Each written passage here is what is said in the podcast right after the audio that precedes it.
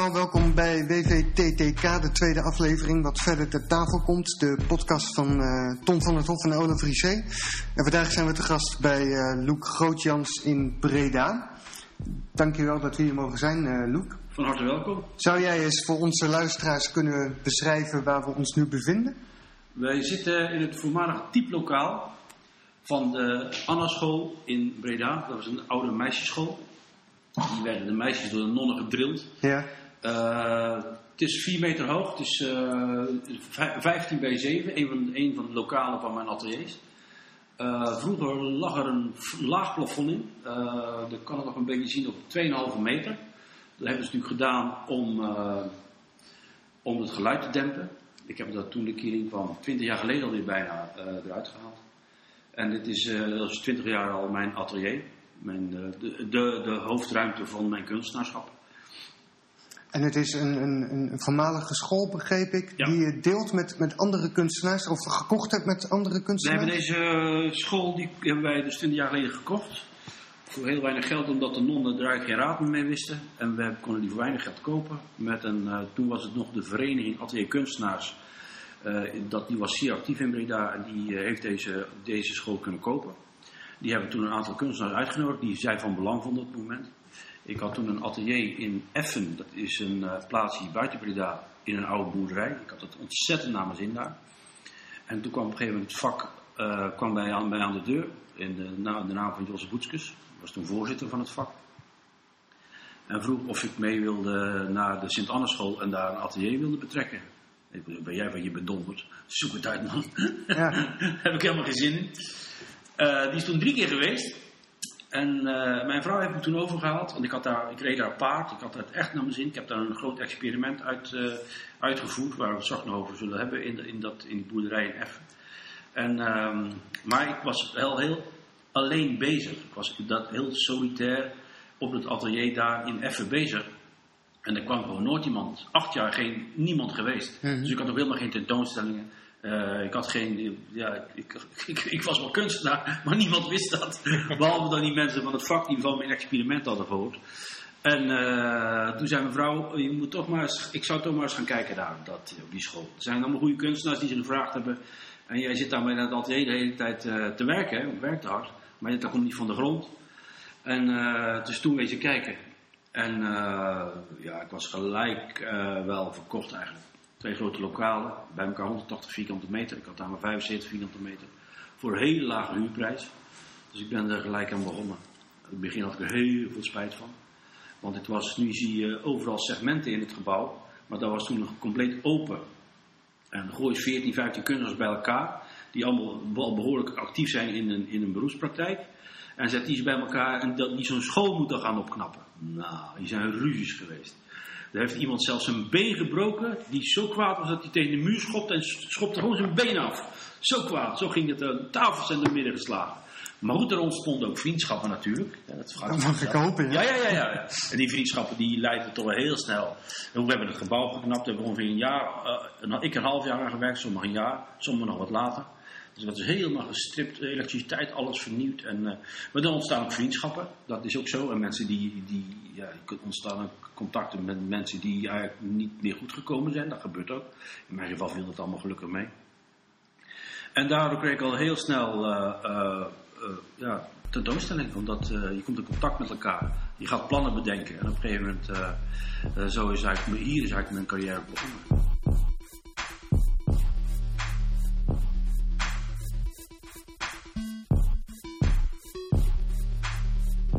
Wat, wat, is je fascinatie met Piet Mondriaan? Ja, dat is een van de grootste kunstenaars ooit. Ja, nee, maar dat begrijp ik. Ja. Maar, maar, maar wat fascineert jou in het werk van Piet Mondriaan? Uh, zijn, zo, zo, zo, zo'n volharding. Zijn enorme volharding. En uh, uh, natuurlijk zijn consequentie ook, wat ook hier en daar niet zo is. Maar ik vind vooral dat je op die manier de kunstgeschiedenis kan veranderen door zo consequent te zijn en ook uh, hard te zijn. Je moet hard zijn om dat te kunnen, hè? dat is niet zomaar vlakjes maken. Want hij is vaak beschimpt, hè? denk eraan. Piet Mondriaan heeft vaak op zijn donder gehad. Hè? Ik zou je een heel mooie, heel, heel mooie anekdote van uh, Bart van der Lek en Piet Mondriaan.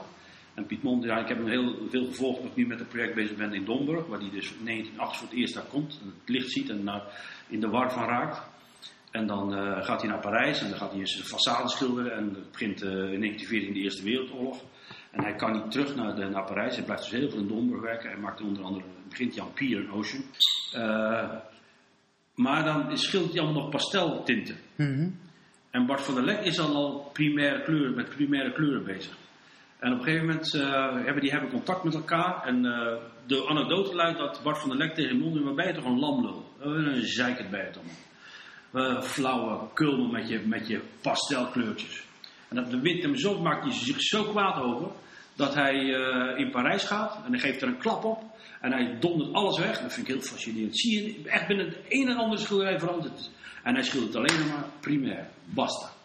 Alles is eruit. En dat doet hij feitelijk in Domburg, maar dat doet hij nog een keer in Parijs. En dat vind ik dus fenomenaal. Dat je er zo'n klap op geeft. Hij maakt zich zo kwaad op die Van der. En dus die, jij met je figuratie. Je komt er nooit vanaf van die figuratie. Jij met je poppetjes. En dan ineens klats. Ja, en dingen wordt wereldberoemd natuurlijk. Die gaat maar door. Dat vind ik fantastisch aan die man. Iets wat je zelf ook ooit gedaan hebt, of niet? Een klap erop gegeven. Ja. ja, ja, behoorlijk. Ja, ja. Ja, maar je vertelt daar eens wat meer over. Ja, daar is het allemaal mee begonnen. Daar ik vertelde ook waarom die jongens naar me toe kwamen in Effen. Die wisten dat ik een experiment had gedaan eh, van een maand lang in het donker wonen. En daar ben ik een schilderij van gemaakt. Maar eh, die, de, de- dat was in eh, ne- eh, 1988. Dus heb je in een bunker gewoond, geloof ik, hè? Nee, nee, dat was weer die tijd. Ah. Dat was daarna weer. Hoe, hoe heb je in het donker gewoond dan? In een huis gewoond? Nee, ik had een, eh, een atelier in een, in een eh, oude varkensstal. Die, die, die varkensstal was zeg maar 100 meter lang. En ik had daar eh eh, 5, 6 meters. Die mannen had die al in segmenten gemaakt. En ik had een ateliertje van zeg maar, 75 vierkante meter.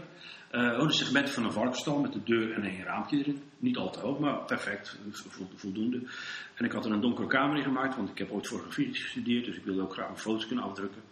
En eh, het kwam eigenlijk, eh, ik ben in 1978 afgestudeerd op de academie. Fotografie en film en schilderkunst. Ik heb toen twee, eh, twee eh, afdelingen, daar kon er nog in één, dingen gepropt. En eh, ja, ik wist gewoon niet waar ik, waar ik naartoe moest. Ik wist niet wat ik moest doen. En toen kwam ik in, eh, in gesprek met Rudy Fuchs. Dat was een, eh, een ehm, ja, een polemiek wil ik het niet noemen, maar die, het was een, ja, toch wel een soort pennenstrijd. Hij had, een, een, tentoonstelling gemaakt in het Vrouwenmuseum en dat heette Op Ooghoogte. En ik was toen nog behoorlijk fel en ik vond het een waardeloze, het was geen ware tentoonstelling, maar een waardeloze titel. Want ik was ook al met filosofie bezig. En Spinoza, was, daar ben ik nog steeds een hele grote fan van. Dat is een fantastische filosoof, wat mij betreft. En die vond de waarneming inferieur. En eh, dus ik begon de Rudy Fuchs te schrijven, waarom die nou een tentoonstelling maakt waarmee die, die als de waarneming begint, waarom dat dan niet met, dat hij met het inferieure begint. Nou, dat had ik beter niet kunnen doen, zeg. Wat was die vent kwaad. ja, dat is leuk, ja, dat is leuk. Maar goed, dat, werd, dat, dat ging zo, dat kaartje zo, toen hadden we natuurlijk nog geen e-mail, dat ging gewoon per brief of per, per postkaart. En eh, op een gegeven moment stuurde hij mij een brief en toen zei hij, eh, beste Loek, Grootjans, ik moet je nu echt iets gaan vertellen. Wat jij wil, de muur, de muur is veel te hoog. Je komt er nooit meer overheen. Niemand komt er meer overheen. De muur die de vorige schilders opgeworpen hebben, die is echt veel te hoog. Dat is, dat, dat, dat is zo van belang. Met Bryce Marden, met Barnett Newman, met Yves Klein, al die, ja, die voortkomend uit, het, eh, uit zeg maar, het modernisme. Die, eh, die muur kom je niet meer bovenop. En dat, eh, ja, daar moest ik toch wel even van slikken. Want die man was wel heel belangrijk. Hè? Hij had documenten al gedaan. Hij was directeur van het Vrouwenmuseum. werd later directeur van het Stedelijk Museum. En als hij iemand zegt dat je er niet overheen komt, dat het nooit wat wordt. En nou, ik met heel veel kunstenaars niet. Maar ik zat wel in die hoek. Hè? Ik zat er wel in die, in die van het monochromie. En, eh, dus ik denk, ja jongens, jongens. En ik was een grote fan van Yves Klein. Met zijn blauwe schilderijen. Met zijn internationaal klein blue. Ik was er heel erg van onder de indruk. En, toen en Spinoza, hè, de waarneming is inferieur. Ik denk, ja, wat ik moet doen. Dat doe je niet zomaar, want dan ben je lang, denk je lang over. Ik ga gewoon die zintuigelijke waarneming uitsluiten. Die moet weg. En toen heb ik er lang over gedacht. En eh, hoe moet ik dat dan doen? Nou, op een gegeven moment begin je toch met mensen te praten. Onder andere een psychiater, mijn vrouw natuurlijk. En ook een oogarts kwam erbij. Van, wat kan dat dan betekenen als je heel lang zonder licht bent. En eh, vooral de psychiatrie was eh, erg, erg bezorgd over wat ik ging doen. Eh, maar ik heb het toch gedaan. Op een gegeven moment heb ik gezorgd, gekeken voor hoeveel proviant heb je nodig om een maand jezelf af te sluiten in het donker. Dat is allemaal in het atelier gebracht. Er is een wc ingebouwd zodat ik er niet uit hoefde. Ik heb de, de ramen en de deuren afgeplakt met plastic. eh, maar omdat ik eh, veel in de donkere kamer had gewerkt, wist ik dat een klein gaatje in, in, in, in, in een ruimte, als dat, op een gegeven moment eh, gaan je hersenen daar zo wennen dat je er een boek bij kan lezen. Dus ik heb ook mijn ogen afgeplakt, dus heel goed afgeplakt, dat ik niets, werkelijk niets meer kon zien. Deur dicht gedaan en ik ben daar in die ruimte heb ik een maand gewoond. Maar het was dus niet alleen donker, begrijp ik, maar ook een isolement. Ja, Je had dus ook geen contact met nee, andere met mensen. niemand, er geen contact, nee, niemand. Echt isolement, ja. Dus de deur ging dicht en ik heb daar een maand gezeten. En had de psychiater gelijk? Ja, of die gelijk had, ja. Die man, eh, was, die, die, hij wist niet dat er eerdere experimenten gedaan waren. Er waren natuurlijk zijn heel veel experimenten gedaan, maar eh, hij van dit ken je niet. Maar hij zei, je komt jezelf gigantisch tegen. Daar heb je, moet je ook in oefenen. Daar, moet je ook, daar had hij me raad in gegeven. Je wordt in de eerste instantie, eh, of je komt er helemaal gek uit, of je breekt er sowieso gewoon uit, dat je het niet volhoudt. Of er gebeurt iets met je, maar er gebeurt sowieso. Dus ik was wel gewaarschuwd. En eh, de eerste dagen, op een gegeven moment eh, ben je natuurlijk heel onrustig. Want je, wilt, ja, je zit daar, je zit daar, je hoort alles en alles wordt veel intenser. En, ehm, eh, maar het, het meest ernstige is dat ik heel veel nabeelden zag. Dus ik, kon dus gewoon, echt mijn hele leven zag kon ik gewoon oproepen en ik zag het letterlijk. Terwijl ik niets kon zien. Ik zag gewoon beeld. Kon mijn vrouw zien, ik kon mijn dieren zien, ik kon alles gewoon zien. Mijn ouders kon ik voor de geest halen. Ik zag ze gewoon. Ze waren daar. Die zitten ze allemaal in je hersenen. En niet alleen dat, maar ook de nare dingen, de goede dingen. En op een gegeven moment dan is het zo dat die hersenen zoeken, die, die zoeken een soort activiteit die er niet meer is. Dus eh, je begint ook allerlei eh, eh, ontploffingen te zien, soort van staafjes en kegeltjes. En, en die irissen, begin je, ja, begin je gewoon je irissen te zien van je ogen. Dat gaat op en neer, Ah, dat, het is, ik vond het verschrikkelijk. Dat wordt heel, ik dacht, dit, dit trek ik niet, dit trek ik niet. Je wordt onrustig, je loopt met je kop tegen de muur, omdat je je weet wel ongeveer, weet je heel snel hoe groot je ruimte is. Dus een blinde heeft dat ook heel snel door. En ik had natuurlijk al van tevoren geoefend waar, waar, de, waar de, de dingen stonden. Er stond weinig, gewoon een tafel en een bed. Die stond er niet. Maar ik werd wel helemaal zot. Ik dacht, dit, dit, dit trek ik niet. Maar op een gegeven moment, ja, toch waarschijnlijk door weinig te eten, door gewoon wel eh, geen alcohol, eh, af en toe een kopje thee en veel water, ben ik waarschijnlijk toch in een trance gekomen. En probeer ook zoveel mogelijk goed te liggen, te ademen. Dat had psychiater me allemaal goed van tevoren uitgelegd hoe ik dat moest doen. En op een gegeven moment begon dat wel weg te ebben. Dat begon langzaam, werd het rustiger. En dan heb je nog eens een keer dat je ontzettend spits bent in het gehoor natuurlijk, want je ziet niet. Dus de, de, de, het was alleen de zintuigelijke, de het zien was, eh, was, was, eh, wat, wa- was uitgeschakeld. Maar ik hoorde heel goed wanneer het dag en nacht was. Dat hoor je enorm goed, want je weet precies wanneer, als de vogels beginnen, eh, wanneer het ochtend wordt. En je weet precies wanneer ze ophouden, want dan hebben ze, maken ze een ander geluid dan, dan, dan ochtends, avonds. En zo, dus je, je bent heel spits. Maar langzamerhand eh, werd dat allemaal wel minder. Dat spitste niet. Ik wist wel wanneer het dag en nacht was. Maar op een gegeven moment ebde die, eh, die, die enorme beelden, die waanzin. Dat heeft, ja, zo maak je ze mensen gek. Hè? Je, wordt, je ziet gewoon jezelf. Dat is onvoorstelbaar. Maar dat ebde weg. En toen kwam er langzamerhand, werd het allemaal rustiger, rustiger, rustiger. En eh, toen verscheen er langzaam, dat kwam ook niet ineens zo, werd het, werd werd het allemaal kleur. Het werd gewoon, en het werd één kleur, een soort monochromie, bruinrood. Heel mooi bruinrood. En dat, ik schat, want dat moet ik dus echt schatten. Ik, ik denk dat het 10, 12 dagen zijn geweest dat ik in die gekte leefde. Of 10 zeg maar, dat moet schatten hoor. Twee, drie dagen, vier dagen overgang. En daarna begon dat bruin en dat werd steeds intenser en intenser. En er zat ook een soort eh, pulsering. Heel langzaam begonnen die vormen op en neer te gaan. En, en als ik daar naar keek, zag ik weer dat heel mooi volgen. Dus ik, ik, ik raakte in trance. Echt volledig in trance. Ik at nog wel hier en daar, ik dronk nog wat. Dus ik was gewoon in trance. En ik, ja, was het oké. Dat ben, noem ik nog steeds een hele fijne tijd. Een hele gelukkige tijd dat ik dat mee heb gemaakt. Dat je jezelf ook door leert, eh, te beheersen en eh, ja, de, de, kalm te worden. Eh, en we hadden afgesproken, na 30 dagen zouden mijn vrouw, de oogarts en psychiater aan de deur kloppen met een bepaald signaal. Niemand wist dat ik er zat verder, nee, niet drie mensen. De boer ook niet, die wist niet dat ik er zat. Dat heeft niemand verteld. En op een gegeven moment, eh, ja, de, een, de, een bepaald signaal op de deur. En eh, daar stonden mijn vrouw eh, en de, de oogarts en de psychiater. Ik, was, ik had mijn maat niet gewassen, niet geschoren, zag uit als een beest. Dat, dat had ik ook helemaal geen zin, was ook niet nodig, want er is niemand. Dus ze schrokken zich helemaal wild. Maar goed, die, de, ze waren binnen en de deur moest heel snel dicht. Want ik, eh, ik, ik zag het licht niet, want ik had maar gelukkig mijn oog afgeplakt. Maar ze wisten wel, als je, eh, eh, ik kon niet zomaar naar buiten lopen, want en dat ding van mijn ogen doen, dan, dan wist dan de oogarts. Ja. Dan was ik heel mijn leven blind geweest. Ja. Dus daar moest iets voor bedacht worden. Had hij al van tevoren bedacht. Hij had een schuifweerstand gemaakt met een lampje erin. En dan kon je zo langzaam per, per uur of per, per, per half uur of per middag. Zo. Elke keer een beetje meer, maar dan moest ergens beginnen. En je kan niet gewoon zomaar een lamp op tafel zetten. Van, goedemorgen meneer Grootjan, we zijn er weer. Ja, dan kan je het wel vergeten. Dan, eh, dus die schuifweerstand, eh, dat was volgens zijn zeggen een duizendste van een lumen. En een lumen is een, een, een lichteenheid. En een lumen is de lichtheid van een kaars. Lichtsterkte van één kaars. Ja. En daar een duizendste van. Dat is gewoon niks. Dat zie je gewoon niet. Maar jij zag het. Ik werd compleet overblind. Compleet overblind. En toen, dat is, daar zijn ze nog, eh, nog steeds over aan het doen. eh, die kleur bruin die ik zag, ik was wel in de war toen ze waren. En, ik was, eh, ja, maar, en dat, was, die, dat bruin dat bleef maar. Er kwam geen beeld, ik zag gewoon niks. Alleen dat bruin. En toen dat licht aanging, dat bruin werd acuut groen. Dat sloeg om naar groen. Dus dat betekent dat de hersenen, die zochten compensatie, die hersenen hebben echt die kleur rood-bruin waargenomen. Zodat ze, toen het licht aanging, dat moesten compenseren in de kleur die complementaire, en dat is groen. Dus ik, moest, eh, ik zag groen. Nou, langzaam aan het licht gewend, dat is ook maanden geduurd natuurlijk. Dat doe je niet in een dag. Ik heb ook jaar, anderhalf jaar met een enorm zware kletserbril opgelopen. En ik heb soms nog last van het licht hoor. Dat, ja, dat, ik denk niet dat het daardoor komt, maar het zou best kunnen.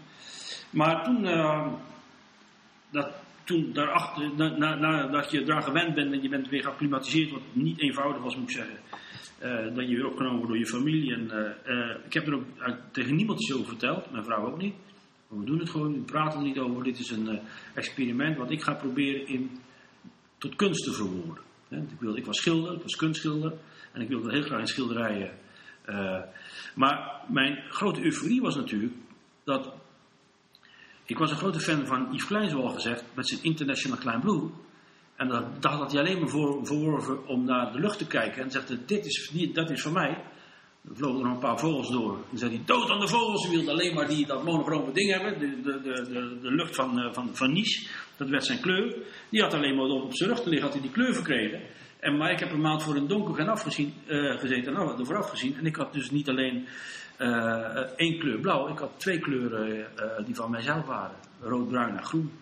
Nou goed, toen, dus ik, ben altijd, doe altijd, ik heb altijd een bepaald systeem al heel mijn leven. En ook in mijn kunst is het altijd zo. Ik werk altijd via een bepaald systeem. Nou, Ook wel, denk er wel over, veel over na. Ze noemen me ook wel eens een conceptueel kunstenaar. Of dat zo is, dat weet ik niet. En eh, ik heb me toen een eh, hele partij eh, roodbruine verf en groene verf gekocht. En toen dacht ik, nu ga ik dit uitwerken. Daar heb ik jaren aan gewerkt. Tot 2004 heb ik dat, heb ik volbracht.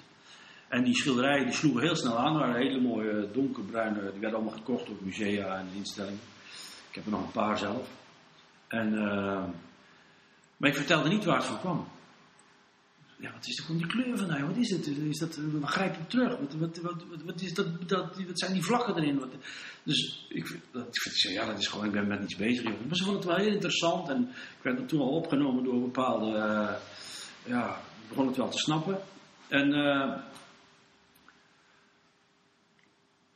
een goede vriendin van mij, eh, die stond ook een keer naar de werk te kijken. Dan, dan zat, ik hier al. Hè. Dat was het- die, tijd dat ik weer het tentoonstelling had gekregen. Omdat ik in dit atelier met kunstenaars in aanraking was gekomen. Dus ik had tentoonstelling ook met het werk. En op een gegeven moment hadden we dezelfde galerie. En die, die vriendin vroeg, eh, wat is het eigenlijk toch van... eh, waar komt het er vandaan, dat bruin en dat groen? Dus ik, ja, ja dat komt, ik heb een maand in het donker gezeten. Zei ik zo, zo, zonder dat ik het wist, vertelde ik het haar. En zij schreef er voor een krant. Dus ze zei, wat heb jij gedaan? Ja, ja, nu weet je het al. Ik heb een maand in het donker gezeten. In de... Nou ja, toen, eh, toen werd het wereldkundig. Le- Leer je trouwens, als je zo een maand in het... eh, het, het was echt 31 dagen of... eh, 30 dagen. 30 dagen Ja. in het donker zit. ehm, leer je dan het zicht vooral waarderen of het geluid? Want ik heb de indruk wat je net vertelde over die vogels. Dat het geluid eigenlijk een beetje je redding is geweest om niet gek te worden. Nou, absoluut. Als, eh, als je het alle twee uitsluit. Een, eh, een vriend van mij, Rob Moon, heeft ooit een kamer gemaakt. heet de camera silence. Waar je het gehoor uits- uitsluit, waar je niks hoort. Daar word je echt gek van. Daar, kan je geen dag in zitten. Daar word je compleet op. Dus de, de, de psychiater had ook gezegd van het geluid, je moet, je moet blijven horen. Sluit je dat uit, dan, dan, weet ik, dan vinden we je gewoon na twee dagen hartstikke dood. Dan ga je hard horen en dan word je helemaal, je helemaal gek. Maar dat geluid was inderdaad veel belangrijker dan het zien. Daar wilde ik eigenlijk vanaf, van het zien. Hè, ik zag die nabeelden, waardoor je het geluid hebt. Je hoort de tractor, ik hoorde de, boer van de, de tractor van de boer als hij aan het ploegen was. Ik had, ik had eh, eh, eh, houtmeid in die schuur. Nou, je weet precies waar het zit. Je, God, maar je weet, je, muizen, je weet precies waar ze lopen. Je weet precies wanneer en hoe. Je wordt heel spits zijn. Je wordt heel, heel spits. Heb je, heb je dat ook nog omgezet in de kunstwerk? Nee, nee, nee, nee, nee. Ja, nee, nee, niet. Met geluid ben ik niet echt veel bezig geweest. Dat was ook, ik heb daar de, de, de mogelijkheden niet voor en ook echt nooit gezocht. Ik wilde vooral iets in die schilderkunst doen, in die kunst. Ja, ik doe wel performances met geluid en zo, maar dat heeft daar niets mee te maken. Nee, die, eh, nee dat, is, eh, dat heb ik nooit gedaan. Nee. Wel, eh, dus ik heb dat omgezet in, in schilderij. En ehm, dat heb ik lang volgehouden tot 2004. En toen, toen net al zei ik, had een bepaalde hoop verf gekocht. En die verf raakte op. En op een gegeven moment raakte die op. Dus ik werd er heel zuinig mee. Dat was in 2000 al, of in 1998 was het al. Ik dacht, godverdomme, suffer, suffer dat je bent. Maar ik ben ook niet zo die dan weer naar de winkel gaat en nou gewoon je verf koopt. Dat, dat, dat, dat doe ik niet, dat kan niet. Dat, zit, dat, dat werkt niet. Dus dat past niet in het systeem. Nee, en dat past ook niet in, in zoals ik ben. Nee. Dus, eh, dat heb ik dan bedacht en dat moet dan zo. Dus toen dacht ik van ja, eh, en ik had eigenlijk nog geen alternatief. In, in, de- in, ik was, en dat ging, liep eigenlijk best goed. Ik had veel tentoonstellingen met die, met die schilderijen. Ik werd een bepaalde groep opgenomen. En toen dacht ik, hé hey, Groot-Jans, je hebt veel gemorst. Je hebt best veel gemorst in het atelier. En ook hier al. En, eh, dus ik ben eh, toen in... eh, toen ben ik die, eh, overal die resten, dit zijn de andere resten, maar ik ben overal de resten van de, van eh, van de muur af gaan schrabben. En van de, van de achterkanten van de schilderijen af gaan schuren, want dat zou je toch niet. En dat, dat schuursel en dat schraapsel heb ik allemaal weer tot verf laten maken, zodat ik nog door kon gaan in, met die schilderkunst. Werden allemaal monochrome doeken, die steeds valer waren en steeds vuiler werden. En daar ook steeds beter liepen. maar goed, ook dat raakte ik hierop. En toen ben ik gestopt met schilderen in 2004 met de grote tentoonstelling The Final Remains of a, a Contemporary Monochrome Painter. Dat, is, eh, dat heb je ook in het smak gezien. De tentoonstelling was, het zijn eh, 27 DNA van de schilder die moet stoppen. En van alles wat in je lichaam zit en alles wat om je heen is, is daarin omschreven en, eh, en, eh, en heeft, eh, is- in, die, in, die, in, dat werk terechtgekomen. En eh, ja, dat betekent dus het einde van de schilderkunst. En dan, maar op een gegeven moment bij, eh, ik was wel op een gegeven moment, ehm, dat is een hele mooie wending in, het, in, in, in mijn oeuvre ook, vind ik zelf een mooie wending. Eh, omdat ze die, die monochrome schilderijen zagen, hangen hier in, in de kamer hangen er vijf. En elke keer was de vraag van, waar gaat het nou toch over? Waar, slaat het werk op? Heeft het met modernisme te maken? Is het een reactie. Nee, het, dat komt uit de periode van het donker. Hè, uit het, eh, van de, die zintuigelijke, eh, dat die, die die, eh, weggehaald werd. En eh dat moest ik al uitleggen. En, en eh, dat vond ik op zich niet erg, maar op een gegeven moment word je dat gewoon zat. Dan denk je, ja, kijk gewoon naar het werk en, en probeer het zelf te achterhalen. En toen was er een tentoonstelling, werd ik voor uitgenodigd, dat heette Sugar Mountain. Een tentoonstelling galerie. En eh, die galerie vroeg of ik een, dat Sugar Mountain is een, een, een, song van Neil Young. En vroeg of ik met een aantal andere kunstenaars of ik daar een werk over wilde maken, over het gegeven Sugar Mountain. En een aantal jaren daarvoor was ik in de bergsport beland. Ik, eh, ik heb ook een aantal cursussen gedaan bij de Nederlandse Bergsportvereniging. En ik, was, ik, ik voelde me bergbeklimmen. Samen met mijn vrouw gingen we op pad en we klommen alle, alle, alle bergen van, eh, van Oostenrijk en Italië. Echt naar de top. En eh, ik had ook ooit de, een keer een berg beklommen in Oostenrijk. Die heette Suikerhüttel. Sugar Mountain. Sugar Mountain. Ja. Dacht, dat is fantastisch. Ja. Je hebt Sugar Mountain, de, de, suiker, suikerberg van Neil Young. Suikerhüttel in Oostenrijk, die je beklommen hebt, 3505 meter. En eh, de vraag van de, van, de, van de galerie. En al, al die vragen van eh, waar, komt dat, eh, waar komt dat werk vandaan? Toen dacht ik, ja, nu, heb ik, nu ga ik ze te pakken. En ik ben conceptueel kunstenaar, zoals men zegt. Ik ga een concept ontwikkelen. Ik ga een reisbureau oprichten. En dat reisbureau heet de Sugar Mountain Travel. En met mij kon je dus omhoog naar de top van de berg. eh, met als eh, enig doel in- en uitzicht betrekking hebben op het monochrome doek. Eh, ik had een hele mooie brochure laten maken. Er waren advertenties in de krant gestaan. En ik dacht, het is conceptueel. Hè. Ik ga protocol opstellen als de mensen mee willen met mij. Voor de, de, de openbaring van in- en uitzicht op 3505 meter. ga ik protocol opstellen dat als ze mee willen, moeten ze ook wat weten. En ik had omschreven, als je mee wilde met, eh, met mij naar de top van de berg van 3505 meter, die niet maar eenvoudig is, de Sukerhutel is niet echt eenvoudig om te klimmen. Maar ik dacht, ik ga een protocol opstellen dat ze, als ze echt mee willen, dan heb ik mensen die echt mee willen. En eh, het begint met, op de Sugar Mountain top zal bij het topgesprek onder andere worden gesproken over de bijdrage van Luc Grootjans aan de tentoonstelling Sugar Mountain. U dient daarom, als u mee wil, op de hoogte te zijn van de elementaire kunstgeschiedenis, het ontstaan van het monochrome doek, de filosofie van Spinoza. Uiteraard heeft u de ethica en de verhandeling over de verbetering van het verstand gelezen. U weet van kleurenleer. U houdt van de schrijver Georges Perec, in het bijzonder van zijn boek La Chose. U bent op de hoogte van de filosoof Kant. U heeft een sterk verlangen tot het in het kaart brengen van alles. U heeft een sterk verlangen tot het uitspreken van niets. U heeft daardoor een sterk inlevingsgevoel, zodat u niet snel verveeld raakt bij het aanhoren van andermans theorieën en gedachten. Ja, goedemiddag. Ik dacht, daar gaat niemand mee. Ik ben klaar.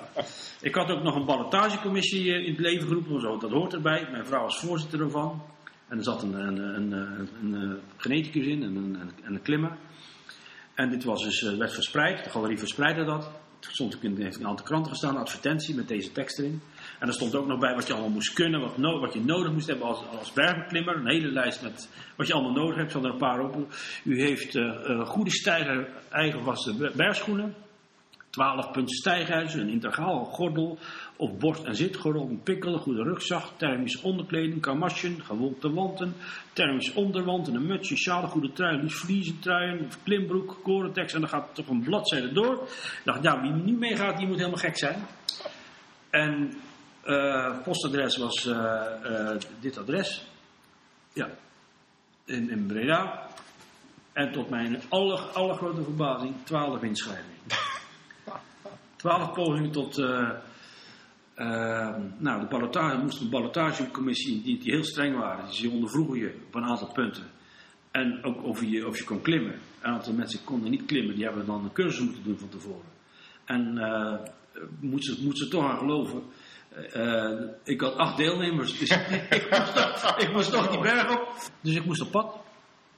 Nou, zo gedaan hebben we de expeditie in, in kaart gebracht.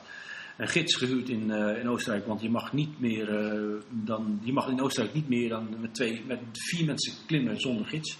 Dat geloof ik dat was toen, de week niet of nog zo is. Dus we moesten een gids meenemen.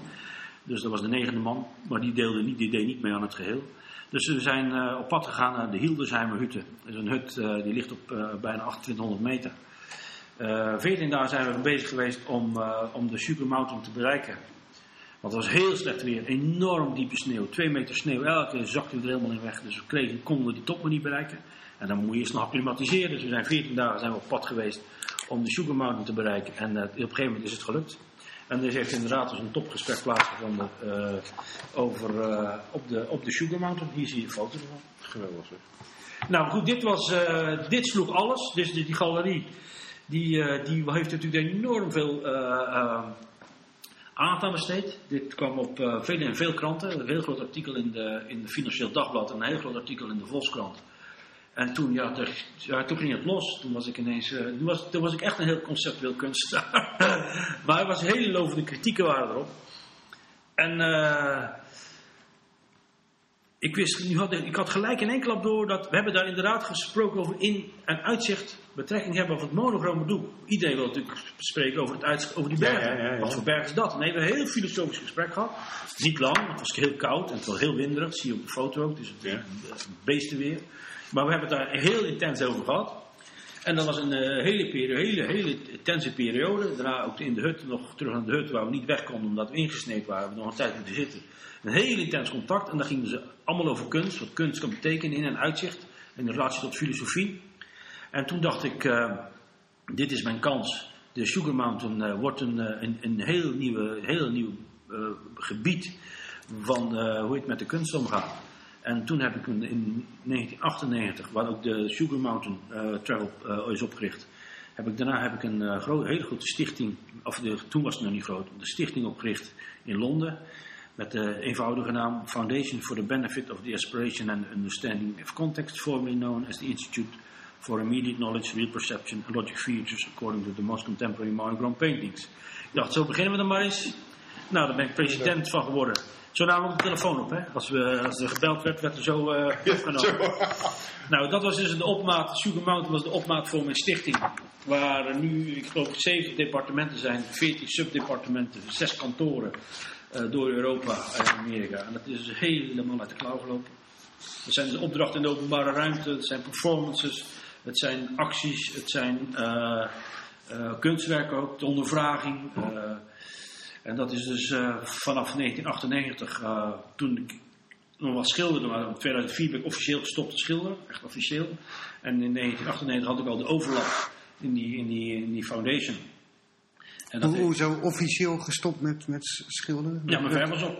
Het was- Ah, ja, ja. was Ja, oké, maar je hoeft ik niemand toestemming te hebben om te stoppen, toch? Nee, maar als je geen verf meer hebt en je Nee, hebt geen nieuwe, Ja, dan, eh, houdt op. Houdt op. Ja, ja. En we hebben een boek gemaakt met de filosoof van. We hebben daar een boek over gemaakt. Dat heet The Final Remains. Ook een tentoon, aantal tentoonstellingen, waaronder ook in het SMAK in Gent.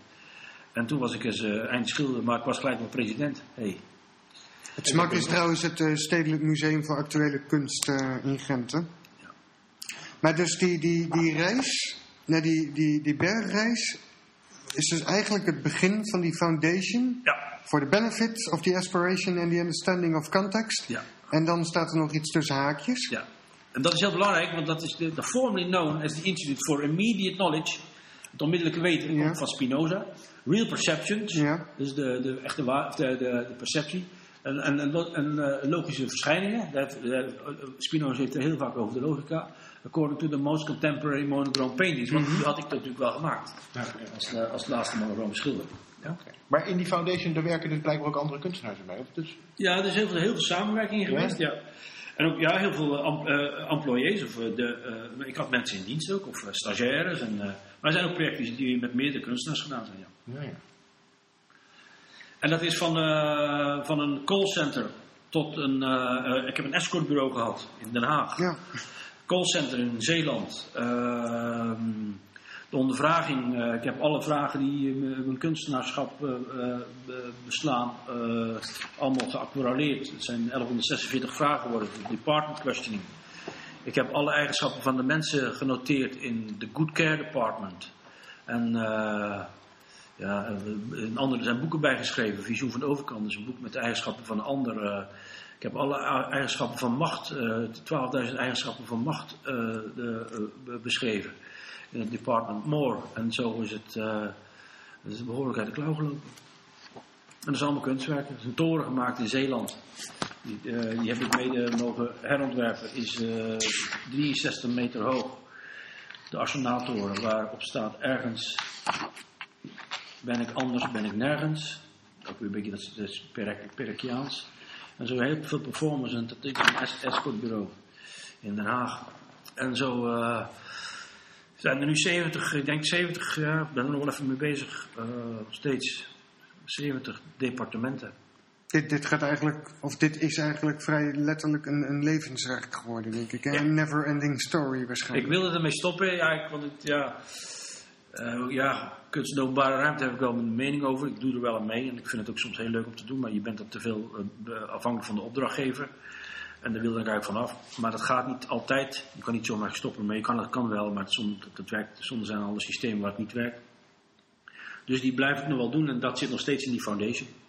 Eh, want ik, ik, ik, wil, ik heb het, het is gemaakt in 2008, het boek geloof ik.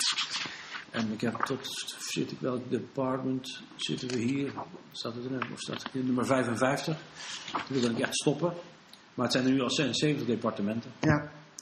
Ja, we hebben hier een boek voor ons liggen dat eh, eigenlijk over dat departement gaat, of over die foundation gaat.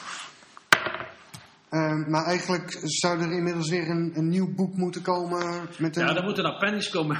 Zal Ja, even of een appendix zijn. inderdaad, Het ja. zal even dik zijn, om het, eh, om het, anders is het niet te... Ja, dat moeten we nog wel doen. Ik hoop dat het nog een keer lukt. Dat ik hem echt afsluit. Want ik ben nu met een nieuw project bezig. Dat heet Storage for Distorted Matter. Ik heb mezelf gedegradeerd van eh, president naar magazijnmeester. Mhm. Waar alle attributen uit die stichting op een andere manier weer in het samenkomen. En eh, eh, ik wil hem toch wel een keer echt afsluiten. Maar dat, dat nieuwe project waar je het over hebt, is, is eigenlijk ook weer een onderdeel of een vervolg op Een deze vervolg. foundation. Een, een vervolg. Nou, dan zie je eigenlijk dat er een hele lijn door zit. Ja. Ik ben begonnen als schilder, periode in het donker. Dan ontstaan die monochrome doeken waar iedereen een vraag waar het is. Ik kom tot het idee van Sugar Mountain om dit reisbureau te doen. Het reisbureau dat, dat uitzicht verder in die grote foundation, die dus al eh, een aantal jaren eh, functioneert. En die foundation, er zitten een aantal werken in die weer aanleiding zijn geweest voor wat ik nu doe, Storage for Distorted Matter. Dus je ziet, er zit een lijn in. Wat mij betreft een heel duidelijke lijn. En storage is echt zeg maar het verzamelen van sporen die jij hebt achtergelaten. Ja, ik niet alleen. Jij niet alleen. Die van, van allerlei, van allerlei, van al, wat ik van, wat, wat ik tegenkom. Wat, je, wat jij tegenkomt in elk geval. Ben jij niet ook op zoek geweest in Frankrijk naar sporen van Van Gogh? Ik heb hem hier in, de, in de gang, als ik even toeloop, staat eh, de vitrine, de zaak van Gogh. En daar heb ik eh, een aantal sporen van. Eh, dus ik ben ook inderdaad op, zoek naar sporen van Van Gogh gegaan, die heb ik ook gevonden. Ik heb nog veel meer sporen van Vincent van Gogh gevonden, ook in Zundert. Ik ben op zoek geweest naar, ik heb sporen van Yves Klein, ik heb, de, ik heb sporen van Pasolini, ik heb sporen van Leonardo da Vinci uit, uit Vinci, of uit Anchiano.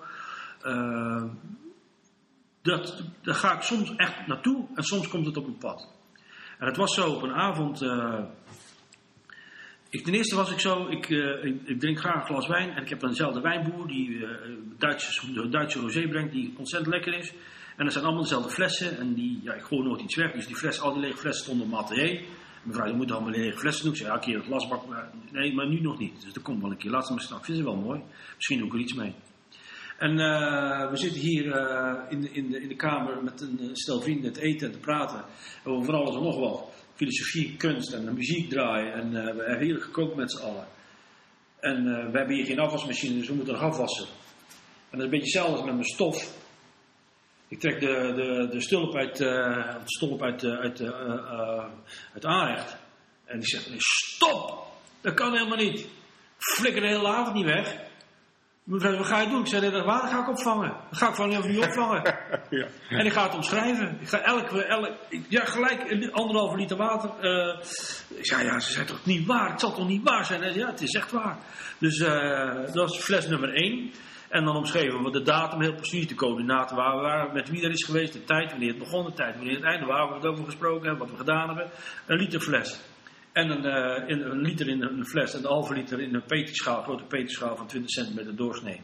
En dat laten verdampen, dus sediment en flessen. En zo is het begonnen. Ik zit nu aan nummer 200, ja, 260 geloof ik. Je doet het nog steeds, je bewaart het. Ja, ja, ja. En hoe lang ga je dan nog mee door? Ja, tot ik klaar ben. Tot je, nee, je weet niet wanneer dat Ja, dat weet ik niet. Dat ik niet meer... Kijk, nu eh, afwaswater doe ik niet meer. Nee, oké. Badwater eh, heb ik vaak gedaan. Eh, ik heb, eh, ben dus naar Nice gegaan om de, om de, de geboorteplaats van het geboortehuis van Yves Klein te zoeken. En gevonden en gevraagd aan de mevrouw die er woonde of ik de stoep mocht, mocht. En of de, de gang mocht wijden. En ze begreep het voorkomen. Ze zei, natuurlijk mocht hij dat. En ik mag alles, ik kom overal in. Ik mag het, het, eh, in Venetië bij het graf van, eh, van Brodsky. En het zag er niet uit, man. Ik zei, Ger, laat mevrouw verger. Dat kan toch helemaal niet, joh. Dit is toch te zot dat dat graf er zo vies uitziet. Dus ja, wij hebben water gehaald bij de, bij de conciërge. En altijd flessen lege flessen met het graf van Brodsky helemaal schoongemaakt. En het water opgevangen in die flessen. Dat voorbeeld heb ik ook. Zo kwamen in, eh, in eh, we waren in Toscane. En ik wilde, ik ben, ja, wie is niet gek van Leonardo da Vinci? Wij naar zijn geboortehuis. Het is er nog gewoon allemaal. En nou, hij heeft daar heel vroeg getekend. Eh, Leonardo was een bastaard en die woonde alleen bij zijn moeder. Hij heet dus Vinci, omdat hij, zijn vader, die, hem, eh, die, die komt uit Vinci. Maar hij is opgegroeid in Anchiano, een klein dorpje. Zo'n eentje buiten Vinci. En eh, ik zit daar te kijken, jongen. Ik zeg, als je die tekeningen nou van, van, van Leonardo ziet, dan, dat moet toch hier geweest zijn. Dus naar die bergen kijken en dan nog eens een keer. Dus wij terug naar het museum. En, en hij, moet toch, hij moet toch hier gestaan hebben, joh. En toen zei ze, ja, natuurlijk heeft hij hier gestaan. Waarschijnlijk is die, die olijfgaard is nog exact dezelfde olijfgaard als in de tijd van, van Da Vinci. Nou ja, denk, ja, dat kan niet beter. Dus ik heb die olijf uit die boom gehaald en eh, in flessen gestopt met water en grond en alles. Nou goed, dat is, kun je zeggen, dat is een aanname. En zo ben ik ook naar Arles gegaan. Eh, een enorme grote eh, liefhebber van Vincent van Gogh. En ehm, wij komen in Saint-Remy, waar hij verpleegd is. Onder andere hebben we het hele, gebied gezocht en gekeken. En eh, het was 120, 122 jaar later dat wij er waren, in, eh, toen Vincent er was. Wij kwamen het 122 jaar later, maar precies in dezelfde weersomstandigheden. Heel veel sneeuw, wat natuurlijk daar eh, best merkwaardig is in, in, Zuid- in Zuid-Frankrijk. Heel veel sneeuw. En wij zoeken, zoeken, zoeken. En op een gegeven moment in het gekkenhuis waar hij verpleegd is, staan bordjes in de tuin van wat hij daar geschilderd heeft. Dat weet ik ook allemaal, dat, ik ben goed van op de hoogte. En één bordje bij de, dat is olijfgaard, die hij daar geschilderd heeft. Eh, en als je heel goed kijkt, Van Gogh die schilderde echt naar de natuur. Dat was ook zijn ding. Hij wilde uit naar de natuur schilderen. Niet uit het hoofd, maar naar de natuur. Dat is ook de reden dat hij ruzie met Gauguin kreeg. Hij wilde naar de natuur schilderen. En kijk, die olijven, die bomen, die veranderen wel. Die, die, zo, maar die, die berg, die verandert niet. En hij was heel slecht in perspectief tekenen. Dus bij hem was dat echt heel lineair. Die komt precies. En als je heel goed kijkt en je gaat nog eens een keer. En je kijkt nog eens en nog eens en nog eens. En dat doe ik dan een halve dag over. En dan, ja, hier is het geweest. Want hij heeft dezelfde ogen als ik, bij wijze van spreken. Mensen, dat wijkt niet zo heel veel af. Dat moet hier geweest zijn. En niet, het bordje stond twee meter daar vandaan. Ik Zeg, wat een slordigheid, zeg, dat bordje moet hier staan. Nou goed, daar ga ik dan niet achteraan. Want toen zei hij, het zal toch niet waar zijn, eh Loek? Ik zei, ja, je moet eh, de grond halen. Eerst sneeuw scheppen. En dan gewoon een meter diep. De grond moet ik hebben. Dus ik heb de grond meegenomen. En dat ook weer op een gegeven moment vermengd met de sneeuw. In flessen gedaan. En eh, laten verdampen. eh. Maar goed, toen kwam ik in, eh, in contact met een eh, belangrijke museumdirecteur. Die zei, god, ik vind het een fantastisch project, maar ik wil er wat iets mee doen. Daar, gaan we daar kan ik je nog zo over vertellen, omdat dat nog niet officieel is. Maar ik wil heel graag, graag met je werk doen. Een internationaal groot museum. Maar wat nou zo mooi is, dat, je, dat we al die, die, sporen die je hebt, dat we, daar, die, dat we die laten analyseren. Dat je een DNA-profiel krijgt, maar ook, en ook een, een exacte analyse van wat erin zit. En dat kan je doen bij het Forensisch Instituut. Ik zorg dat dat kan. Dus als proef hebben we een aantal flessen daar naartoe gestuurd. Dus ook de fles van Van Gogh. En ik krijg de analyse terug. En er zat erin, ja, water zit erin natuurlijk, ja, H2O en weet ik het, zuurstof en alles, heel de rattenplan. En allerlei zuren. Eh, resten van lijnolie. En bepaalde pigmenten. Echt waar? Ja. Ja. Dus dat is eh, de sporen van de, van de grote Vincent.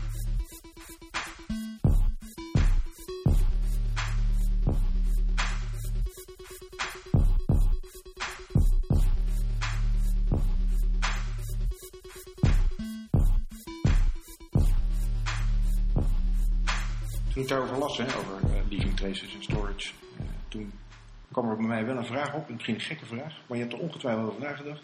En dat is nog heel ver weg. Maar wat doe je met het laatste spoor wat je gaat achterlaten? Ja, dat is, dat is dan... Heb je daarover nagedacht? Ga je er iets mee doen? Nou ja, nee, dat, dat- het, is, het lijkt een beetje op. eh, ik ga het niet over mezelf erover, dat vind ik heel moeilijk. Dat, dat, daar, ga, daar ga ik ook niet over. Maar ik heb, eh, toen, eh, toen ik het einde van mijn schilderkunst eh, bezig was, toen we met dit boek bezig waren, aan het einde van die verf raakte op. En toen stierf mijn vader. Mijn vader was mij altijd heel, heel belangrijk voor mij geweest. Mijn vader was groothandelaar. En die had, zijn, het was niet zijn eigen bedrijf, hij werkte, bij een Joodse firma. Dat was het allergrootste schoolbedrijf van, van Europa.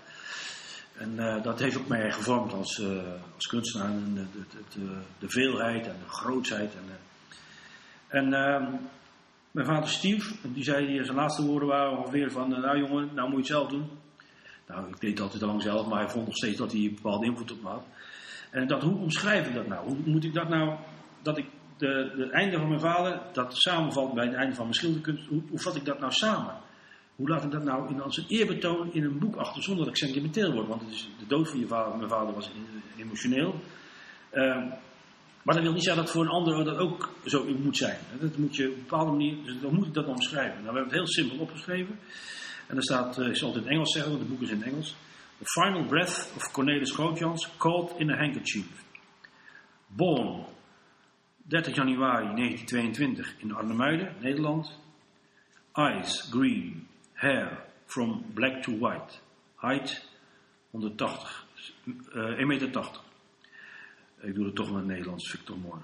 Eh, getrouwd op 31 januari 1945 in Kattendijk in Nederland. Zijn vrouw Neeltje Jansen, geboren 13 januari 1926 in Schouwenpolder, Nederland. Vader van vier kinderen, van wie de jongste een schilder van monochrome doeken was. En als laatste die het allerbelangrijkste is, de eerste adem van hem is verloren, is, eh, is, is verloren geraakt. Dus zijn eerste adem is verloren geraakt. Dus toen hij geboren werd, vond niemand het belangrijk om wat dan ook dan van hem op te vangen. En dat is het leven. Je moet helemaal beginnen. En ik vond hem zo belangrijk om die laatste adem van hem in die, in die, in die, in die, zakdoek op te vangen. En eh, dus eh, als laatste onderdeel van de Final Remains erin op te nemen. En dat is, ja, zo zie ik het eigenlijk. ook. Dus, eh, ja, ik hoop dat er iemand is die van mijn laatste spoor iemand zegt, nou jongens, dat moet wel in de fles hè. Of moeten we, dat- dat- dan moeten we hem niet in, de, in een vat gooien waar hij heel blijft of zo. Nee, ja. Maar aan de andere kant, toen ik ook die, met die museumman sprak over dat hele project met al die DNA-profielen en al die verbanden. En die zei, ja, dat is natuurlijk de, de, de meest gigantische blauw- blauwdruk die we van iemand eh, hebben op dit moment van, van een kunstenaar in de wereld. Want alles is omschreven. Hè? Dus je kan alles, als je één zo'n fles eh, openmaakt en je, en je determineert, dan weet je precies wat erin zit. En dan kan je zien met wie het matcht. Als, mens, als er al DNA-profielen van anderen zijn, kan je zien, ah, op een gegeven moment komt het. Hè? Op een gegeven moment is er een DNA-profiel van iedereen, van heel de wereld. Dus dat komt straks als je geboren wordt, trekken ze iets uit je lichaam en dan heb je jouw DNA-profiel. Gaat gewoon komen, ik zeg. Dus op een gegeven moment kan je dus zien met wie ik eh, helemaal even gematcht heb en eh, wat, ik, wat ik gesproken waar ik geweest ben. En eh, iemand noemde dat ook als in een, recensie, dat, wat jij ook net zei, dat streven naar eh, onsterfelijkheid. Dat is het eigenlijk. En ik denk dat een kunstenaar daar mee bezig is. Dat denk ik. Eeuwigheid. Eeuwigheid. Ja. Ja, of dat ook echt zo'n zo, zo, zo, vorm krijgt, dat het ook echt zo of beklijft, dat, dat, daar ga je natuurlijk zelf niet meer over. Is, eh, gaan we volgend jaar een groot project over doen. Dat gaat over de nalatenschap van een aantal kunstenaars. We hebben, mij ook gevraagd om mee te doen. Maar wat gebeurt er nou met, met een oeuvre? Ik vertel er nu met gemak over, eh, met veel plezier over. Maar als het nou straks niet meer is, eh, wie, wie doet dat dan? Eh, is er iemand van, joh, wat is het allemaal? Hup, de glasbak in met die troep. Weet je niet, dat is, dat, daar, daar ben je natuurlijk wel mee bezig. Daar ben ik daar ben, denk ik wel over na. Daar heb ik het ook wel eens over. Van, er moet een stichting komen die dat dan beheert en die, die niet allemaal gelijk zo weg ermee. Maar je moet zorgen dat het zo van belang is geraakt dan op dat moment dat men bij galeries en musea zegt, ja, we willen wel wat van hebben. Dat, dat moet je natuurlijk, wel- dat is misschien een streven wel een moment. dus vind je het belangrijk trouwens wat er, wat er mee gebeurt na je dood? Ja, ik wil wel dat het blijft. Ik zou wel heel graag willen dat er een museum uit zou. Of dat er, dat er nee, ja, anders mag ik het niet in van, dit, van de waanzinnig eh, prachtige, eh, eh, zeer eh, dure kasten. Hè. Dat, bedoel, die krijg je niet voor 100 euro. Hè. Nee, oké, maar op dit moment zit je er nog naast en, en Ja. kun je er zelf nog van eh, genieten en kun je zelf ook nog de complimenten of de afschuw over ontvangen. Ja, als je dood bent, dan weet je toch niet meer wat er, Nee, of er nu wel of niet iets mee gebeurt. Nee, dat weet je niet. Maar dat is wel te hopen. En, eh, ik heb natuurlijk eh, eh, een aantal namen al genoemd. Hè. Bijvoorbeeld Yves Klein. En dat vind ik ontzettend fijn dat, die, dat, die, dat werk van hem nog te zien is in musea. Dat is ook van Piet Mondriaan, dat is ook van Gogh. En dat is ook ook van hele andere. Ik hoop dat ze het ook bij mij, dat ze dat ook vinden. Dat ze zeggen, goh, het is toch wel, is toch wel een rare piebus. eh, wel rare dingen, mooie dingen gedaan. We houden het. Maar ja, ik ben met doodwerk helemaal niet bezig, want ik ben springlevend. Dat wou ik me even zo houden. En dat duurt er ook wel eens aan, om dat zo te houden. Dus eh, ik wil nog wel even door.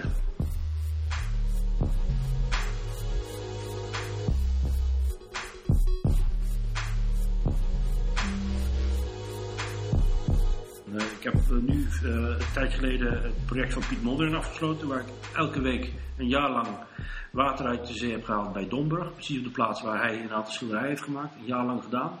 En dat ook eh, water gebotteld en al die kristallen laten verdampen. En het bewijs daarvan is dat in de, de, zomer de zoutkristallen veel groter zijn dan in de winter. Dan kan je zeggen, ja, dat is wel mooi en aardig, want zoutkristallen die verdampen niet. Hè, alleen waterdamp verdampt, dus dat kan geen invloed hebben op het licht. Maar wel, ben wel op bij Domburg. Ik weet niet of je weet waar Do- of Domburg ligt. Walcheren is een soort driehoek, is een punt. Je hebt de Oost- en Westerschelde die, die Walcheren gevormd hebben. Dat is echt een soort Wiebertvorm. Nou, Westkapelle ligt echt op de punt. En Domburg, waar Piet Mondriaan schilderde, waar hij dus op Westkapelle keek, eh, eh, ligt daar vlakbij. Die stromen gaan tegelijkertijd, gaan die, het water gaat eruit. En het gaat er tegelijkertijd in. En te, te, te, te- tegelijkertijd heb je de stroom uit, nou van Calais, maar, die de, de, naar het noorden wil. En je hebt de Noordzee die naar het zuiden wil. Dat is een enorme kracht. komt allemaal op de punt van wal eh, gebeurt daar. Dus daardoor komt er ontzettend veel werveling op, de, op die punt van het eiland, in die zee. Nou, werveling betekent bruisen, spatten. En dat water, op een gegeven moment gaan die zoutkristallen wel de, de, de lucht in. Dat is ook bewezen. Eh, En dat maakt dat het licht daar zo fenomenaal is. En in de zomer nog veel fenomenaler dan in de winter. Nou, Piet Mondriaan komt in 1908 voor het eerst in Zeeland. Klimt de duin op. Want doe je als je naar zee gaat, klim eerst de duin op. En je ziet dat licht. En het heeft heel zijn oeuvre veranderd. En dat wij, heb ik nu geleverd. En dat gaan we in 2014. Wordt dat, eh, heeft dat zijn primaire, pri- première in de, de vleeshal in, in, in Middelburg. Maar het is ook wetenschap dan. Ja, dat is, vind ik nou zo leuk dat het geen wetenschap is. Want al die wetenschappers die, zijn, die worden woest van mij. Die denken, wat verdomme. Ik moest een keer een lezing geven in het Mondriaanhuis. eh ter ere van zijn geboortedag. En ik heb daar een lezing over gegeven. En er zaten heel veel mensen die denken dat ze, En die weten ook veel van Piet Mondriaan. Hè? Die zijn allemaal gepromoveerd op Piet Mondriaan. Ik weet er zelfs één die is gepromoveerd Piet Mondriaan. Die is nooit in Domburg geweest. Goedemiddag. Maar goed, ze zijn allemaal zeer geleerd. En ze zijn ongelooflijk eh, erudiet. En ik gaf die lezing over dat ik doe. En ik ben kunstenaar. En ik kijk dus anders dan zij. En er zat iemand naast me, toen ik klaar was, toen, eh, toen ik mijn lezing gegeven had, was een eh, drie kwartier of zo, die zei, Loek, ze zijn woest. Ze zijn woest, ze kunnen je wel doodslaan. Ik zei, ja, waarom dat is niet goed. Het was een fantastische lezing, goede lezing, echt goed gedaan. Ik zei, waarom zijn ze dan zo kwaad? Omdat ze er zelf niet achter gekomen zijn. Dat kan alleen een kunstenaar. Wie gaat er nou elke week naar dezelfde plaats, naar Domburg, om te kijken hoe het licht verandert? Maar had jij, Dat is geen wetenschap. En dat, ik wil het ook geen wetenschap noemen. Misschien is het, het, het, het raakt wel aan de wetenschap. Maar ik wil er wel weer een nieuw kunstwerk van maken. Naar achter staan al die flessen, al die peterschalen. Er worden heel mooie vitrinekasten van gemaakt. Er komen prachtige protocollen bij. Ik heb meer dan een, eh, een 10.000 foto's van het licht. Daar wordt een film van gemaakt. Moet er een boek van maken. Voor mij is dat een nieuw kunstwerk. Een ode aan het licht van Domburg. Wat het werk van Piet Mondriaan zo heeft veranderd. En dus ook mij zo heeft veranderd. Want ik ben ooit schilder geworden. Omdat ik e- het eerst in mijn leven schilderij van Piet Mondriaan zag. Toen ik 14 was. maar had jij voordat jij begon met het water uit de zee halen elke week, deze hypothese al geformuleerd? Of is dat Dat, gaandeweg? is, dat, ging, dat, ging, eh, dat ging vanzelf. Eh, ik haal overal tegenwoordig water uit de zee. Of niet, niet water uit de zee, maar als ik ergens ben wat van belang is, haal ik denk, denk anderhalf liter water mee, waarom niet? Dus ik was in, in, eh, in, in Nice, waar Yves Klein geboren is. Dat, dat is natuurlijk ook, ja, dat is, dat is een waanzinnig grote kunstenaar. En ik dacht, hij is in Verdi geboren. En Rue Verdi is eh, eh, 50 meter van Opera Beach. Eh, en dat, dus ik denk, daar heeft eh, Yves Klein dus daar gezwommen. Dat kan toch niet anders? Als je hier woont, ga je toch niet 100 kilometer verderop zwemmen? Nee, dan zwem ik. heb ook zee- ben dan ook aan zee geboren. Wij sprongen bij ze van het, van spreken, het huis uit, zo het water in. Je gaat dan niet, dan ga je niet reizen, dan loop je gewoon dat water in. Dus ik dacht, eh, eh, Yves Klein heeft daar gezwommen. Ik moet daar water van hebben. Ik haal gewoon anderhalf liter water uit de Middellandse Zee. En ik laat het verdampen. En wat zie ik? Kristalletjes, echt ongelooflijk. Kleine, heel kleine vierkantjes. Eh 3 bij 3 millimeter. Echt of ze gesneden zijn. Of, ik joh, hoe kan dat nou? En toen zei ik tegen mezelf, wat als dit, dit licht zo verandert, die kleine kristallen, dan is het ook logisch dat Yves Klein dat intense blauwe, die blauwe kleur daar heeft gezien. Want dat weerkaatst helemaal niet. Dat is, ja, kijk, zo recht in dat universum. Er is helemaal geen interferentie. Dat licht is daar heel anders dan hier. Als wij naar de lucht kijken hier, zien we nooit die intens blauwe kleur die Yves Klein heeft verschilderd. Nou, dacht, ja, merkwaardig. Dus op een gegeven moment waren we ook uh, toevalligerwijs in Zeeland. Uh, we wilden, gingen naar Westkapelle omdat het heel mooi is. En ik dacht, laat ik hier eens kijken hoe dat zit. Nou, dat was dus die eerste uh, die ik net liet zien met die hele grote kristallen. was in de zomer. En ik, ik verdampen en ik dacht, dit kan helemaal niet waar zijn, joh. Dus ik gelijk naar mensen gebeld, KMI gebeld, wetenschappen erbij gehaald. Dus ik dacht, wel, hoe zit dat dan? Ja, dat gaat er echt de lucht in. Daarom, daarom krijg je die prachtige verhaal, dat het licht zo fantastisch is. En toen dacht ik, ja, dan moet ik, dat ga ik nu bewijzen. Ik heb nu één, één zo'n ding. Dat zegt niks. Dus ik moet nu gewoon zorgen dat ik een heel jaar die cyclus vol, volbreng. Dat ik elke week daar naartoe ga, dezelfde tijd, dezelfde plaats. Uh, liefst hetzelfde uur. Alles noteren, hoog en laagwater, temperatuur van het water. Alles noteren, heel, heel nauwgezet. En dan kijken of het inderdaad verandert. Nou, ik ben in, maart begonnen, uh, in 2011. En de eerste periode denk je al bijna allemaal hetzelfde. Hele kleine kristalletjes. En totdat het water 18 graden wordt, slaat het ineens op. Nou groeien ze als kool, die kristallen. Geklit aan elkaar. En dan wordt het licht ook heel anders. En Piet Mondriaan komt dus in de, in de nazomer in, uh, in 1908. Uh, een beetje koude zomer, een beetje zoals vorig jaar inderdaad. En hij komt, als hij eraan komt, is het een hele mooie dag. Warm, gelijk 25 graden. En dan is het licht. dan slaat je zo op je donder. En hij had dat nodig. Hij was, hij was in de war. Hij had Van Gogh gezien in, 2000, in, in 1905, in de overzicht tentoonstelling in het Stedelijk Museum in Amsterdam. Hij was in de war, hij wist niet goed waar hij naartoe moest. Nou, hij begint, eh, dat licht pakt hij. Hij ziet dat. Hij krijgt zo'n gigantisch van donder dat het licht. Hij, eh, ze beginnen met Toren over het luminisme te praten, de leer van het licht. Hij begint de theorie eraan te koppelen, horizon, verticaliteit, mannelijk en vrouwelijk, dat zie je er allemaal. Dat licht, die golven zijn allemaal, horizontaal, die pieren verticaal. En het licht, dat filtert dat fantastisch, dat zilveren. Nou, zo begint hij steeds meer. Op een gegeven moment ontstaat Pier en Ocean. Nou, dat is de, de opmaat van, eh, van zijn fantastische oeuvre. Dat is daar gebeurd, door het licht.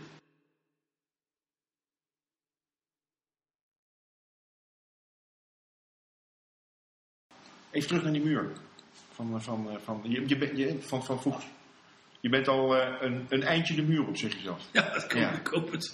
Oké, dat hoop je, ja. Ja, goed. eh, Ja. Dat, zijn, eh, dat is wel heel moeilijk. Dat moet je eigenlijk komen als kunstenaar niet over, over mee bezig zijn. Maar goed, kijk, als je eh, internationale tentoonstellingen kan maken op hoog niveau, dan mag je toch verwachten dat, eh, dat, het, dat men het iets vindt of zo. Je, het is altijd heel moeilijk om, je- om daar jezelf over te Om praten. iets over te praten. Nee, dat, dat, Nee, maar- ik kan me voorstellen. Kijk, en ook dat je het, eh, vooral deze tijd het, eh, het blijven volhouden. Ik ben gewoon fulltime kunstenaar. Hè? Ik, eh, ik hoef geen posten om te brengen. Ik, hoef, ik rijd niet met een pizzawagentje. Ik ben gewoon kunstenaar. Dat is al op zich een enorme opgave. ja. Ja, Dat is in deze tijd niet eenvoudig, jongens. Krijg je subsidie of verdien je alles? Ik verdien alles. Maar ik krijg ook subsidie. Allebei dus. Ja. Ja. oké. Maar ik vind ook dat subsidie, dat is, eh daar wordt heel, daar is een tijd heel lang eh, over geschimpt, maar dat is, eh, dat krijg je niet zomaar. Dus, eh, ehm, ten eerste moet je je, je, je talent bewezen hebben. Je, dan heb je de, de- en dan, dat, is nog, dat is nog goed, oké. En dan zo'n aanvraag, dat is, dat is een ingewikkelde materie. En je krijgt een hele kleine ondersteuning, zodat je, dat je een brood kan kopen bij en wat kan doen. Maar daar is wel, dat zou wel meer mogen zijn, vind ik, in dit land. Maar het wordt alsmaar minder. Ja, het wordt echt veel moeilijker. Veel moeilijker wordt het, ja. Ja. Ja. Maar je maakt je nog geen zorgen. Ik heb er nooit zorgen gemaakt. Oké, dat is goed. Nee, maar wel over, eh, waar, over niet wat mij betreft. Want ik, hoe dan ook, ik, ik, ik, eh, ik weet ook dat ik wel altijd wegen vind. Dat is, ook, dat is altijd gebleken, anders ben je niet al zo lang kunstenaar. Eh, of er nou subsidie of geld verdienen of een opdracht, of, of, of lesgeven of lezingen, dat, dat hoort er allemaal bij. Dat vind ik allemaal tot de kunstenaarschap behoren. Eh, maar wat me heel erg zorgen baart, is natuurlijk de, al die instellingen waar je dat Nederland, in Nederland dat werk kon laten zien. Dat die echt eh, de een na de ander de, de nek omgedraaid worden. Een grote, prachtige instelling, zoals de paviljoens in Almere, lokaal 01 in Breda, God kan zo nog even doorgaan. Dat is allemaal gewoon weg, weg, weggedonderd. Bij jullie, dicht. En dat is natuurlijk, als, je, als, als maatschappij dat toelaat.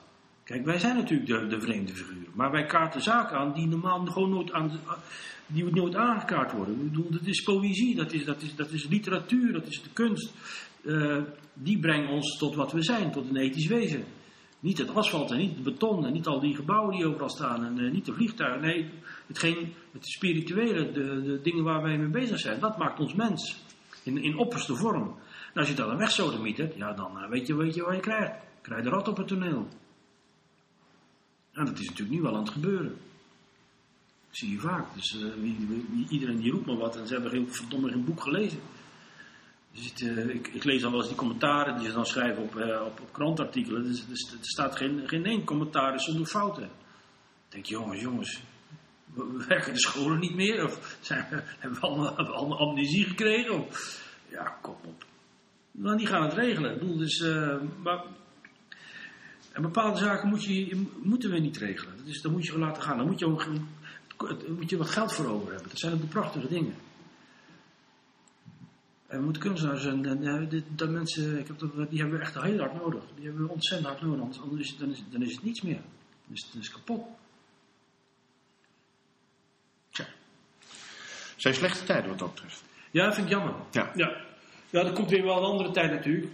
Maar ik vind als, eh, als, als westers land en eh, als rijk land moet je gewoon bepaalde dingen doen. Ja. En dan moet je vooral. sommige, eh, ik, ik leid ook wel eens mensen op als, als kunstenaar op de academie, geef ik af en toe wel eens les. En voor die, hun toekomst ziet er gewoon echt besodemieterd uit. Die kunnen niks. Die, ik, heb wel eens, ik leid wel op hogeschoolniveau, hè, dat ik ze opleid tot, tot postbezorger. lijkt de academie wel voor de postbezorging. De pizzacourier. Daar is waar ze allemaal terechtkomen. Maar er zijn, dat is er zijn toch wel meer, zeg maar, westerse beschaafde landen die, die ook geen of minder subsidie aan kunstenaars geven? Ja, maar zo, dat is net even erg. dat is nog net zo erg. Ja. En dat- ja, dat weet, ik, dat weet ik dus niet. Ik bedoel, Nou, in, in Amerika bijvoorbeeld is dat, is dat heel... Je kunt er niet zeggen dat er slechtere kunst uit Amerika komt Nee, maar mensen niet subsidies vergeten. Amerika is stik van de mecenaten. hè. Bedoel, er zijn zoveel mensen die ondersteund worden. Het maakt niet uit Ja, om- omdat er geen subsidies zijn. Ja, nou, dan, maar, wij, hebben die wij hebben dat subsidiesysteem gekend. Daar is Mhm. niet gelijk een mece- mecenaatsysteem ligt daaronder nu. Dat is wel, als dat wegvalt, dan, dan is er gewoon niks meer. Nee, snap natuurlijk. wat je bedoelt. Maar kijk, het maakt niet uit. Bij mij maakt het niet uit eh, eh, eh, eh, hoe het gemaakt wordt, als het maar gemaakt Als, het maar kunst gemaakt, als, als de kunstenaar Mhm. maar in gelegenheid gesteld wordt om dingen te maken. En dat daar eh, moeite voor nodig is, dat hoef je mij niet te vertellen. Dat vind ik ook helemaal niet erg. Het is, heel veel kunstenaars die, die hebben het niet breed, die, die moeten er hard voor werken, die moeten bijbouwen. Dat is allemaal helemaal niet erg.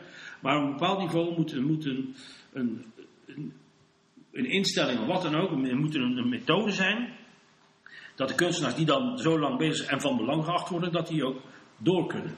Dat die, en dat is in Amerika gewoon natuurlijk, omdat je als je. de- ja, daar wordt is ook een veel, veel, veel beter belastingstelsel als je daar je geld in kunst steekt eh, dan hier, dat denk ik. En hier is het altijd redelijk geweest, lang niet goed geweest, redelijk geweest, maar en als ze dat dan helemaal gaan echt kapot slaan, want ze hebben het echt kapot geslagen, dat vind ik echt absurd. Echt absurd. In elk geval zonder zeg maar er een ander systeem voor. Nee, ze wilden er echt vanaf. Het is een, het is een- Nee, absoluut, natuurlijk. Het, Hier is een, eh, Ja. het was een complete sanering en eh, dat, dat kan niet. Je Ja. kan eh, een, een onderdeel van een, van, van, een, van een maatschappij niet saneren. Dat kan niet. Er zijn ook waarden ook helemaal niet te veel en het kost ook helemaal niet te, niet te veel. En het, het was allemaal helemaal geen moeite. Het is te, te, te rukzichtloos gegaan. Er is geen. Ik bedoel, we, gaan, we krijgen ongetwijfeld op termijn een ander systeem. Ik bedoel, we hebben tijd nodig om naar een nieuw systeem toe te ja, groeien. En eh, we zoeken onze wegen. De maatschappij zelf zoekt Ja. daar wel wegen Ja, voor. En Daar, daar maken we niet zoveel zorgen over. Alleen we zitten nu in een soort van interimperiode. ja. Waarin er gewoon een heleboel mensen in dat gat vallen. En, Ja. eh, er is niks. Er is, het is rukzichtloos afgeschaft. En vervolgens moeten we zelf maar. Ja, kijk, kunstenaars kun je niet weerhouden, die, die blijven Ja, ja, die blijven En zoeken. Goed, de, ik zeg ook helemaal niet dat het.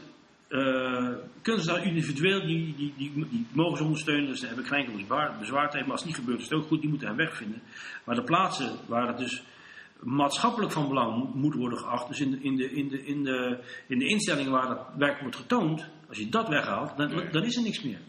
En je kan niet alleen het Rijksmuseum en het Stedelijk Museum overhouden. Dan zeggen we aan de rest, dank u wel, dit hebben we en daar zijn we blij mee. En eh, niemand mag meer een collectie hebben. Dat is absurd. Er worden gestreden voor twee prachtige musea in, in Venlo. Museum Bommel van Dam. Pracht van een ding. Pracht van een collectie. We moeten strijden voor hun bestaan. Eh, Museum Jan Kuhn in Os. Wilt u alsjeblieft de deur dichtgooien? Wij zijn nu stront en strontbeu. Dat is tot de zot voor woorden, jongens. Het zijn prachtige musea, prachtige collecties. Eh, dat is van belang. Dat is echt van belang.